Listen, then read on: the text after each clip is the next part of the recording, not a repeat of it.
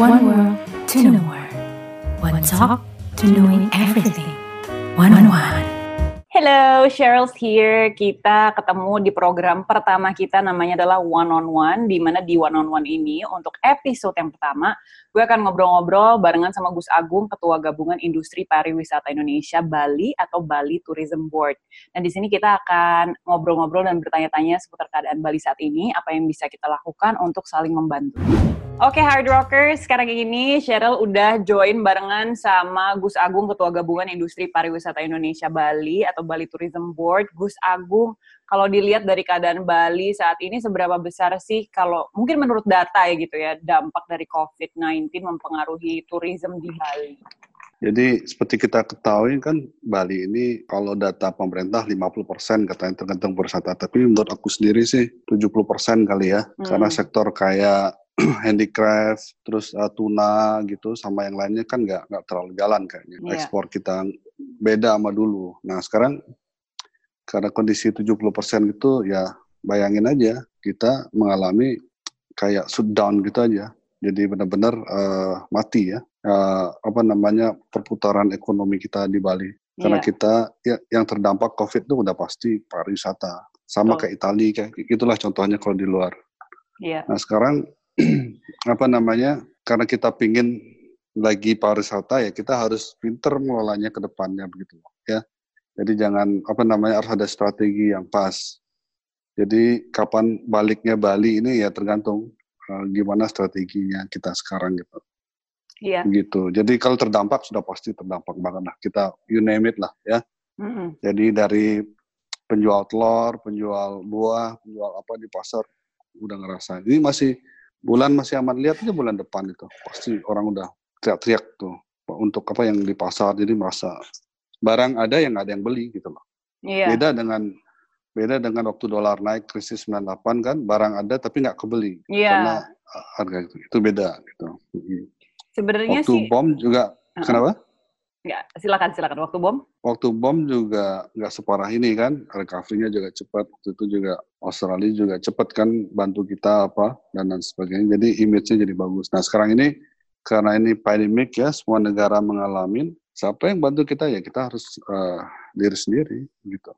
Iya sih, karena gimana pun juga seluruh dunia terdampak. Jadi mau saling membantu pun tetap aja kita Agak, jadinya lebih susah ya. ya tadi susah. Ya. Kalau Gus Agung kan sempat bilang uh, dari yang industri yang paling kecil mulai seperti pasar itu terdampak. Mm -hmm. Tapi sebenarnya kalau kita ngelihat juga yang yang besarnya gitu ya, hotel, mm. even kita di media udah banyak sekali kan karyawan yang dirumahkan juga. Jadi sebenarnya ya. berdampaknya tuh cukup general untuk hal ini ya Gus Agung ya. Iya, betul. Jadi seperti saya bilang tadi, uh, yang terdampak tuh kayak pegawai uh, DW, uh, outsourcing. Iya. Kan otomatis begitu ini kan nggak ada hubungan. Betul. Jadi kalau pekerja yang masih kontrak, apa kan masih bisa setengah 50 persen gajinya. Iya. Apa.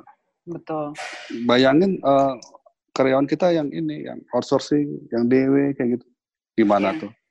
Security yang outsourcing itu misalnya kan uh, gardener yang outsourcing udah pasti cut, nggak iya. ada lagi cerita itu. Itu yang kasihan gitu itu yang paling merasakan sekarang ini udah merasakan itu. Kalau gitu. untuk hal yang yang seperti ini saat ini nih Gus Agung apa sih kira-kira uh, yang bisa kita sebagai warga yang tinggal di Bali juga lakukan hmm. gitu untuk satu sama lain supaya bisa saling membantu? Yaitu ikuti aturan pemerintah. Kita harus gotong royong sosial untuk memutuskan pandemik ini uh, apa namanya dengan ya seperti Mas Heril itu lakukan rajin cuci tangan, distancing sosial, terus kita benar-benar di rumah itu nggak ada cara lain udah itu aja. Oh, kalau di apa iya. kalau saya malah ekstrim ya pengennya lockdown cuman pemerintah kan karena apa kalau kita orang bisnis kan ekstrim udah sekalian aja mumpung iya. sakit di luar kan juga sakit nggak ada turis juga mau datang eh bareng-bareng sakit jadi iya. intinya jangan sampai eh, mereka udah sembuh uh, market Eropa udah balik, Australia balik, kita masih sakit, eh jangan sampai gitu. Iya sih, betul gitu. juga. Gitu, jangan makanya saya sih ekstrim, pengennya udah PSBB, pengennya lockdown, tapi ya pemerintah kan punya pikiran lain ya, gitu. Iya, iya, kita iya. Gak, iya. Kita gak Nanti kita, saya pengen bahas lebih lanjut juga soal itu ya, soal kira-kira strategi apa aja yang bisa uh, dipakai sama kita di Bali. Mungkin mungkin tidak akan terlaksana, hmm. mungkin gitu, tapi kan boleh aja kita saling sharing ide-ide. Siapa tahu ya, akhirnya bisa boleh. gitu. Tapi uh, sebentar ya. kita break dulu Gus Agung, abis ini kita ya. akan kembali lagi.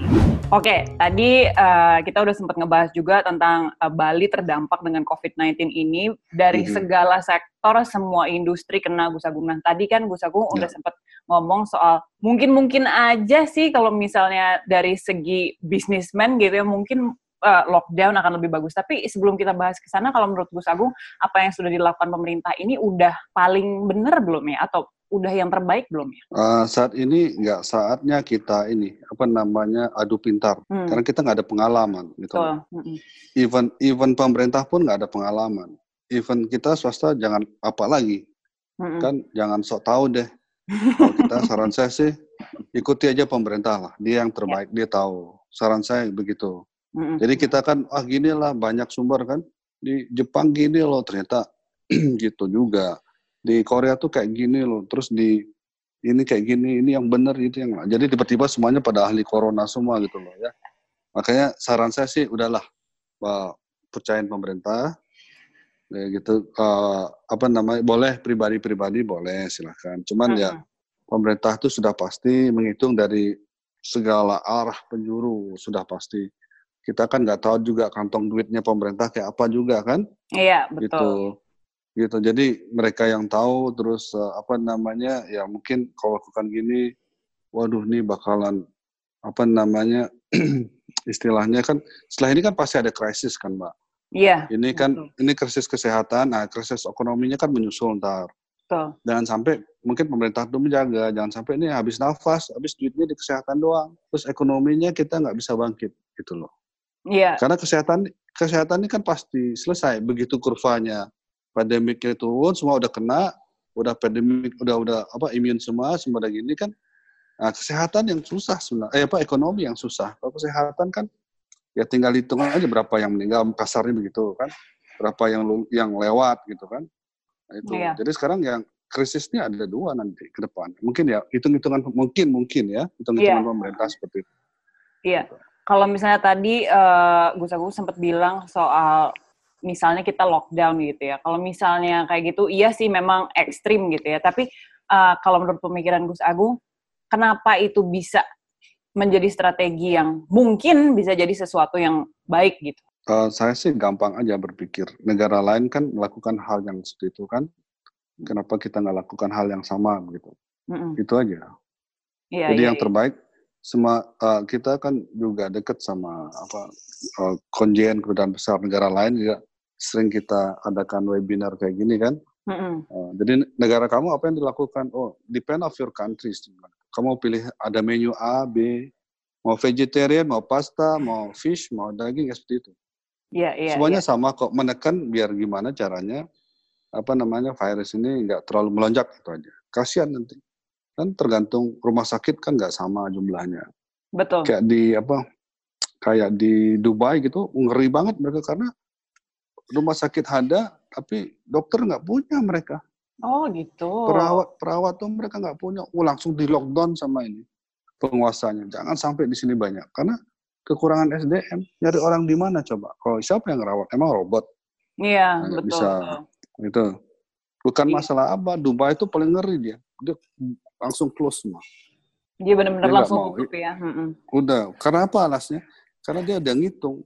Kita nggak punya perawat, nurse kita nggak punya. Gitu. Betul. Hitungannya kan satu satu pasien dirawat berapa orang, dua atau tiga gitu. Dengan di jumlah dia plus yang sakit plus yang kok apa yang dilewat plus apa kan dia pemerintah menghitungnya sampai situ. Iya iya gitu, iya. Mbak. Dan hmm. kalau misalnya kita kan emang kan kita selalu ngelihat pasti selalu ada kontroversi, pasti selalu ada pro dan juga kontra gitu dari apa yang di kebijakan yang dilakukan hmm. oleh pemerintah. Orang banyak yang juga suka teriak-teriak katanya uh, apa namanya, wah pemerintah nggak siap nih apa segala. Tapi sebenarnya juga ya seluruh dunia sebenarnya nggak ada yang siap karena nggak ada yang tahu kan. juga kan hal ini bakalan terjadi. Gak ada.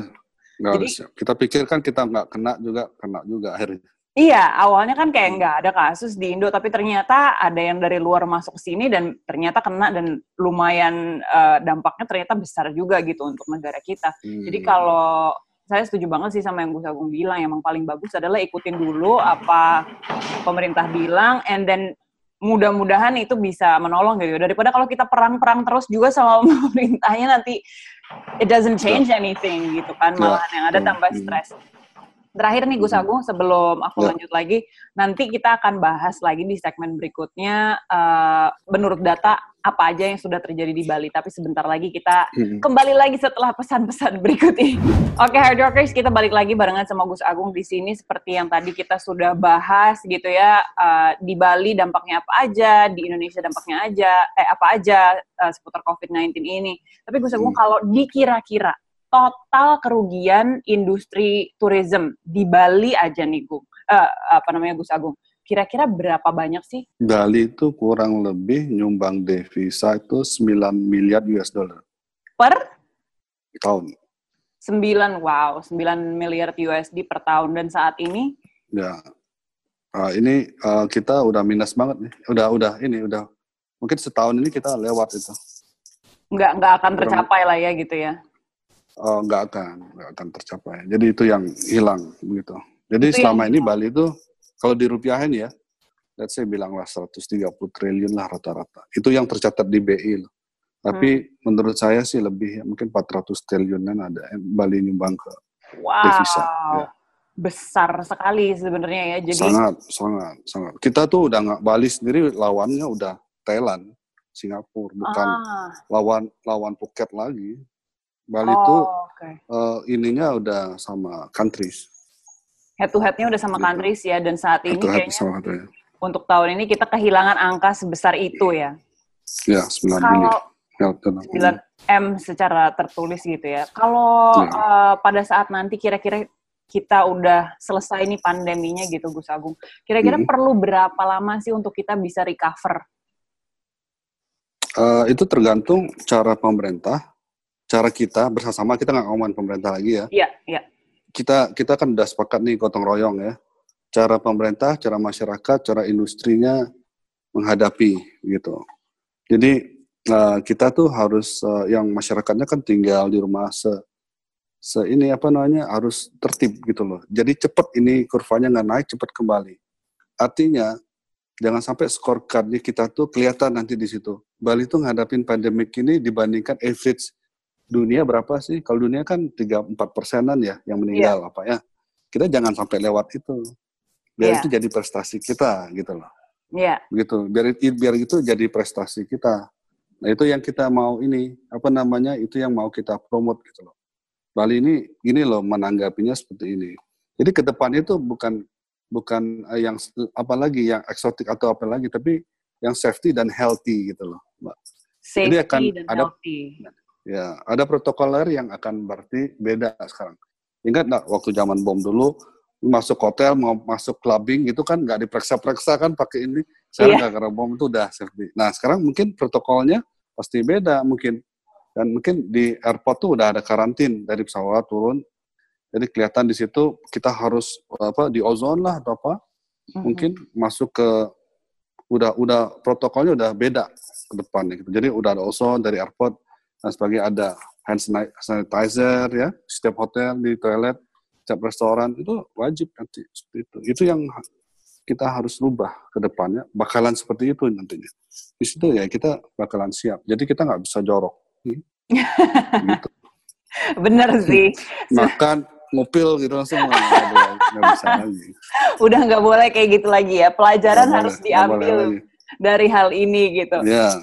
Uh, tapi banyak juga nih orang yang bilang teori-teori di luar sana yang hmm. bilang katanya once this is all over, sepertinya turisme di Bali itu akan meroket hmm. lagi. Kalau Gus Agung setuju sama pernyataan ini atau atau teori ini atau enggak Gus? Ya sangat setuju karena ini apa namanya uh, kayak Cina itu udah nggak tahan pingin ke Bali Iya benar-benar. Mereka soalnya yang terbanyak sih ya di sini. Iya, mereka udah lama banget udah stres. Mereka udah pokoknya keluar deh, keluar deh. Cina yang punya uang ya, yang yeah. artinya yang yang yang ini yang middle up-nya ya gitu. Mereka kan Iya. pengen di pantai, pengen di villa tinggal. Buka aja sih Bali buat kita, buat apa? Buat kita apa karantina atau apa? Kita nggak ke mana kok, mau spa aja, mau ke pantai aja terus kolam lah apa. Dia pengen kayak kita mereka gitu loh kan. Mm-mm, Nah, mm-mm. terus saya yakin sekali dengan apa namanya dan begitu ini kita recovery-nya reboundnya cukup right. confident lah, confident Iya. lah kita.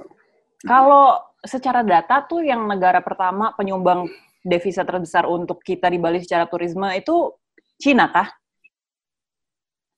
Seluruh dunia Cina, Seluruh dunia Cina ya untuk eh, yang ada Ya, di sini. ya? Indonesia juga Cina, spendingnya gede.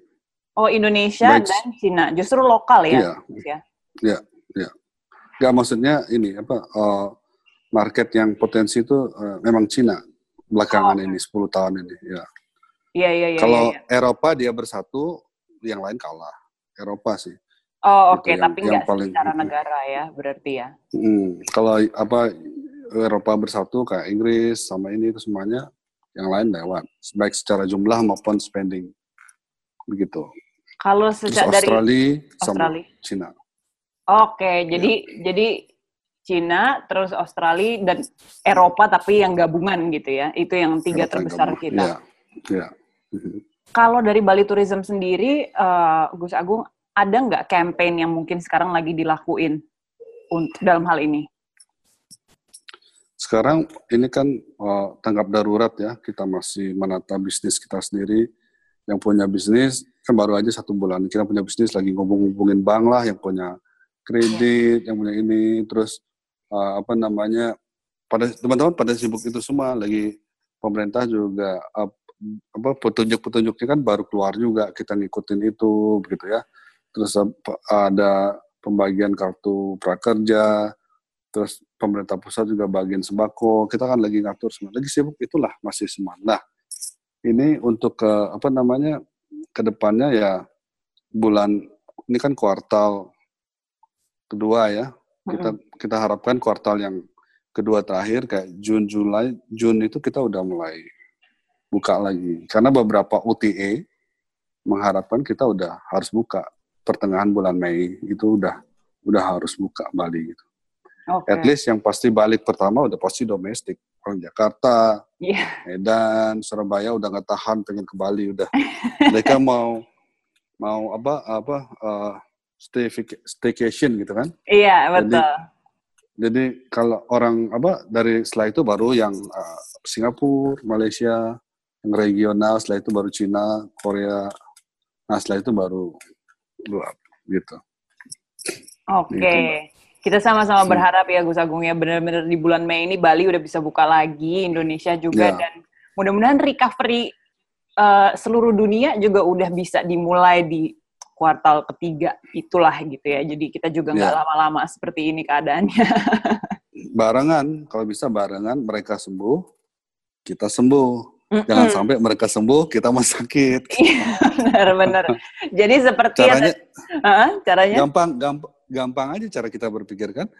Iya. Dia sembuh, kita sembuh. Terus caranya biar barengan sembuh, kita ikutin gaya main mereka udah mereka tinggal, ya kita tinggal kayak gitu. betul, Kayak gitu. betul. Jangan Nah, lupa sekarang kan gaya pemerintah itu seperti apa kan kekuatan mereka kita nggak tahu.